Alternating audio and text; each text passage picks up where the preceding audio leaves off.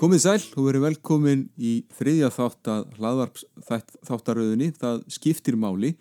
Ég sitt hér með Jóni Steinari Gunnlaugsinni, lögmanni og fyrirvendi hæstræðadómar og profesor og sjálfur heiti ég Björn Jón Bragarsson. Við höfum verið að ræða um uh, hjartansmál Jóns Steinas, uh, uh, grunduallaratriðin í réttaríkinu og, uh, og ótalmart sem að aflæðu farið í okkar dómskerfi sem að þarf að bæta úr en Jón var ekki að byrja sína gaggrinni í gær heldur, heldur árið 1987 kom út bókin Deilt á dómaran sem vakti mikla aðtegla á sínum tíma og, og uh, við höfum aðeins verið að velta þessu fyrir okkur og, og ræðaði menn og okkur virðist að hún hafi haft heilmikil áhrif en það meðal kannski að spyrja það fyrst hvernig kom það til að þú ákast að skrifa þessa bóka sínum tíma?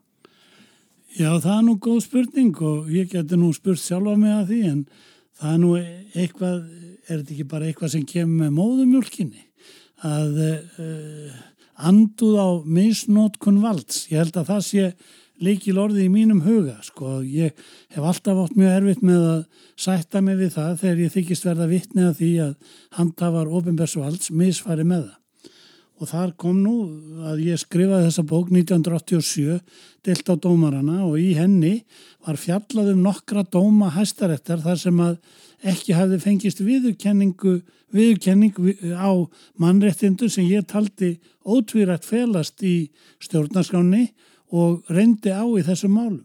Ég get nú aðeins nefnt það að þessum að það voru tvö mál þarna á, af sviði tjáningafrelsis annars vegar var þar um að ræða ja, tímaritt hérna sem var svona, var svona eitthvað grín tímaritt og hétt Speillin og þar var rittstjóri Ulvar Þormóðsson ágætur maður þó við varum nú öndverðu með í pólitík og við verið það skipt engum máli en, en var, þar var eitthvað verið að hæðast að einhverju fólki og einhverjar myndir og eitthvað, eitthvað svona kannski eh, ekki mjög gott grín sko.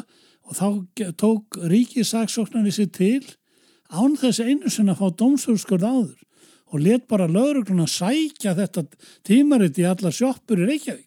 Ótrúlegt. Og, og hérna og svo leitaði þetta fyrir dómstóla. Ég gaggrindi þetta og taldi að þetta væri bara brota á prentfrelsis ákvaði stjórnarsálunar og svo var annað mál sem snerist líka um tjáningafrelsi og það var frjálst útvarp. Þar stóð þannig á að það var verkfall hérna, við minnum að það hefur verið 1984 1984, já. Og þá tók einhverju framtagsami menn sig til. Það sloknaði á ríkisútvarpinu sem var eina útvarpið í landinu. Og sjónvarpið. Já og sjónvarpið. Þá tók einhverju framtagsami menn sig til og, og stofnuði útvarp og útvarpuðu frettum og öðru efni þar í þessari þögg sem að hafi lagst yfir. Og þeir voru taldir hafa brotið gegn engarétti hérna ríkisútarsins til, til útvarps sko. ég gaggrindi þetta. Og ég byggði að það, kom nú fram í þessum málum að, að það að ég held því nú fram að tjáningafrelsi stjórnarskáruna væri ekki sko, það væri ekki verið að venda prentlistina sko, það væri verið að venda tjáningafrelsið og þess vegna ætti til dæmis tjáningafrelsi í, í, í gegnum útvarp vend sko í þessum ákvæðum því að e, það var verið að meina mannum að tjá sig og voru ekki aðrir hættir tækir til þess og, og en, var, en var verið að tólka þetta svona þröngt á þeim tíma að það væri, að það ætti bara við sérst, það er bara þess að prenturétt í orðsinsfylstu mörkingu? Já, það er náttúrulega ekki sagt þannig, sko, en það er bara uh, vísað í það að það er enga réttur ríkisútarsins og það var broti gegn honum, en eins og er hafði auðvitað, já, ég var nú verjandi sjálfur í þessu um, uh, lögmaður í frálsu útarpi og þar var auðvitað telt fram þessum sjónamöðum En það var eitt enkenni sem að líka kemur, uh, er vikið að þessari bók að það var verið að fjalla um þýðingamikil mannréttindi í þessum dónsmálum og þau eru afgriðt án þess að minnast á það.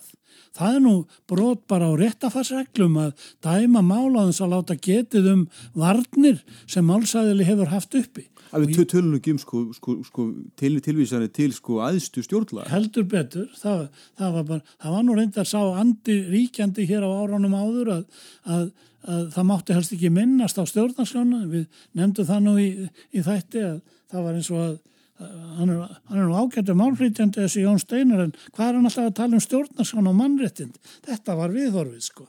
Og, og svo var ekki vikið að því fórsendun dóman Eitt málið sem að var talað með þessari bók var það í gengisfellingu og það var þannig að gengi var felt hérna og þá var, þá var það þannig að það var bara lagt egnarhald á fjármunni sem að uh, fiskframlið eða þeir sem hafðu flutt fisk til útlanda en voru ekki búin að fá endurgjaldi greitt.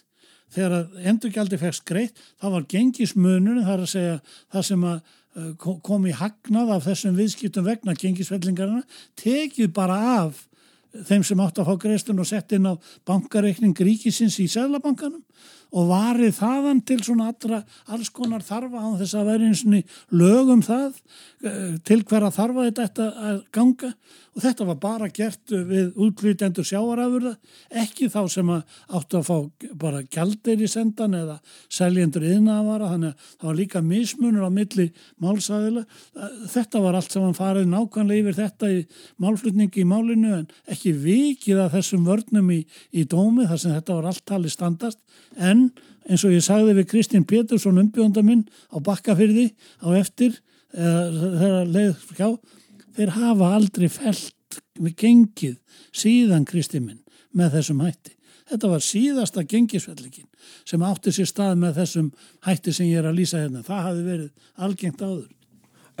Gaggrínin hafði áhrif vonandi, við vorum að tellja okkur trúum það við Kristinn, við erum svo sjálfum gladir menn að við vildum nú e, rós okkur af einhverju. Ég held að það hafi haft áhrif. En svo eru kannski líka, við vorum kannski líka að vera bjart sínir og, og, og já, já, já, jákvæðir að, að svo komuð þetta líka setna inn sko, skýr jafnbræðisregla í stjórnarskrá.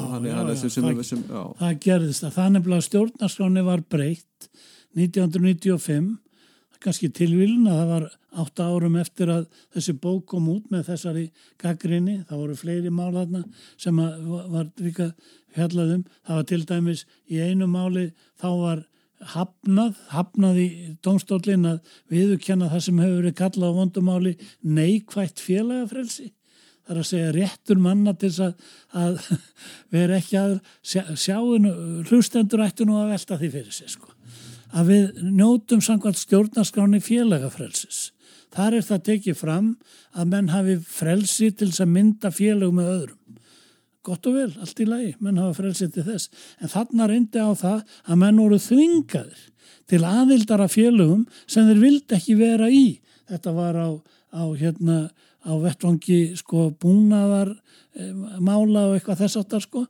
og, og ég segi sko að það er auðvitað bara hlýð á félagafrelsi, það er mér sér þungbærara að vera skildaður til aðildara félagi sem maður vill ekki vera í heldur en að vera bannað að stopna félag sem maður vill stopna og þetta er bara hlið, tvær hliðar á sama peningi.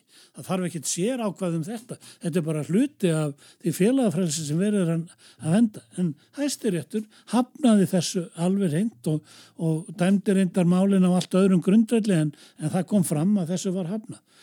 Áhrif Já, það var, þegar að stjórnarskjánu var breytt 1995, þá mátti sjá nokkur ákvæði sem að greinilega voru, já, eh, eh, höfðu, já, dreyið mark sitt af þessum dómum og þeirri gaggrinni sem hafi komið fram í þessari bókvantarlega á þá. Meðal annars var sett inn ákvæði um, um frelsi manna til að neyta aðildafélugum, svo það dæmi sér tekið og fleiri ákvæði voru þarna sem að, sem að hérna, og það var til dæmis líka tekið af skarið um það að, að tjáningafrelsi var ekki bundi við brent Já. það leikur nú við að manni finnist þetta bara hlægilegt sko að þetta skulle hafa verið svona á, á þessum tíma en því var kipt í liðin og það voru góður menn sem stóðu að því að hafðu frungvaða því að breyta stjórnarsáni og, og ég man eftir því að Já, hann var nú reyndar, ég veit ekki hvort að það er viðegandi en hann var nú persónulegur kunningi minn, Geir Horte, alþingismöður sem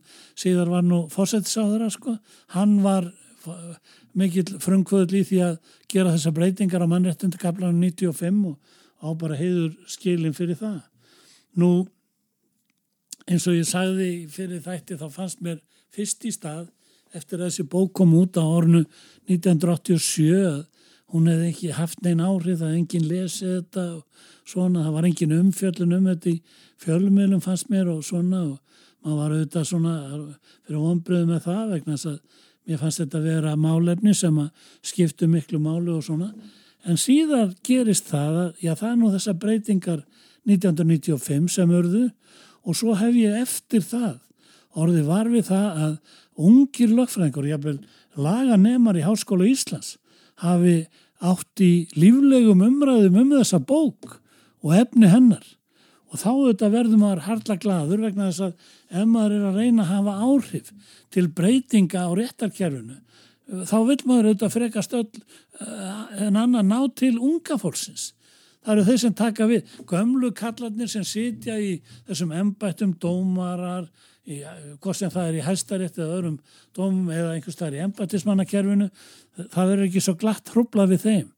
En það er hugsanlegt að hægt sé að hafa áhrif á unga fólki sem að er ekki orðið bundið á þessa klafa og ég þykist hafa orðið varfið það að, já, drópin hólasteinin, að, að þetta, að unga fólki hafi tekið þessari bók miklu betur og þess með ég sjá ímismerki af svona viðhorfum í lögfræðinni síðan og þetta er kannski ástæðan fyrir því að ég hef haldið áfram og ég hef búin að skrifa samtal sjö bækur sko um sem allar eru meira að minna um réttarkerfið og vanhöldin í því hvers vegna?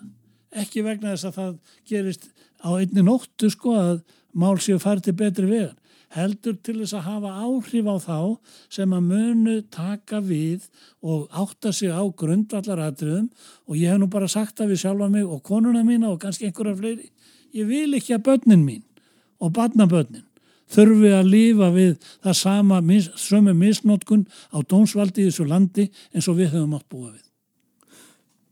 Þegar þú, uh, þar að segja, ert, ert ungur mál, málflytjandi þá kannski rennur líka þá upp fyrir þér og kannski fleirum af þinni kynnslóð að það sem þið læruð í lagadildinu það kannski bara virkaði ekki þannig allt í praxís það var, það var ekki verið að dæma eftir lögunum og, og, og, man, og stjórnaskráin átt ekkit við einu marki. Já það var ekki einu svona vikið að því sko. fyrir, fyrir, fyrir domstólum sko, en, en, hérna, Fyrir nú utan það að kennarinn í réttarheimildafræði í háskólanum kendi það að dómstólur hefði nánast frjálsar hendur eða þessi teksti sem ég vittnaði nú í hérna, hann felur það í sér bara að, að dómstólar megi gera það sem þeim sínist, þeir takist á við lögjafanum lögjafarvaldið og megi, megi dæma bara þá eftir einhverjum reglum sem að mönnum dett í huga að séu skinsamlega reglur og, og allt þetta eða viðeigandi reglur og, og það er ekkert skrítið þó að menn hafi verið haldnir af slíkum kenningum. Ég held að þessar kenningar verði til nánar, hvort sem það er vitandi vits eða ekki, verði til nánast til þess að greiða fyrir því að handhafar dómsvaldsins geti hafi frjálsari hendur með að taka þar ákvarðanir sem þeim þóknast. Hvort sem það er til þess að geðast almenningi eða, eða vegna eigin hagsmuna eða einhverja hagsmuna sem þeim tengjast eins og var í fjármálunum sko því eða af hvað ástæðan sem það er og ég segi bara nei. Þeir dómstólar eiga að vera bundnir af því að dæma eftir lögskýringum, ströngum lögskýringum og, og réttarheimildum og meiga ekki fara út fyrir þá. Ég átti í langri deilu við Sigur Lindar kennara minn sem ég held nú mikið upp á. Ég átti deilu við hann í ritt deilu um þetta þar sem að hann held nú að dómstólar hefðu svona áhrif og sagði nú alls konar ljóta hluti um mig, látið það nú vera allt í lagi sko. Þið, þið sættu síðar á það ekki? Jú, svo gerði ég, það var bara ég rétt út hendina til hans, ég bauð honum að, að skrifa með mig grein, það var þegar æsseifmáli var, þá bauði honum að vera með höfundur minn að grein í morgumblæðinu til þess að hvetja Íslendinga til þess að beigja sig ekki fyrir æsseif skuldinu nema hafa verið dæmdi til þess að domstól sem hefði vald til þess að dæma það hann skrifaði undir þetta með mér og við letum taka mynda okkur þar sem við stóðum liður en það var bara vegna ég, ég hef engan áhuga á því að vera persónulegum einhverjum uh, eh, olbóðskotum og deilum einhverjum menn.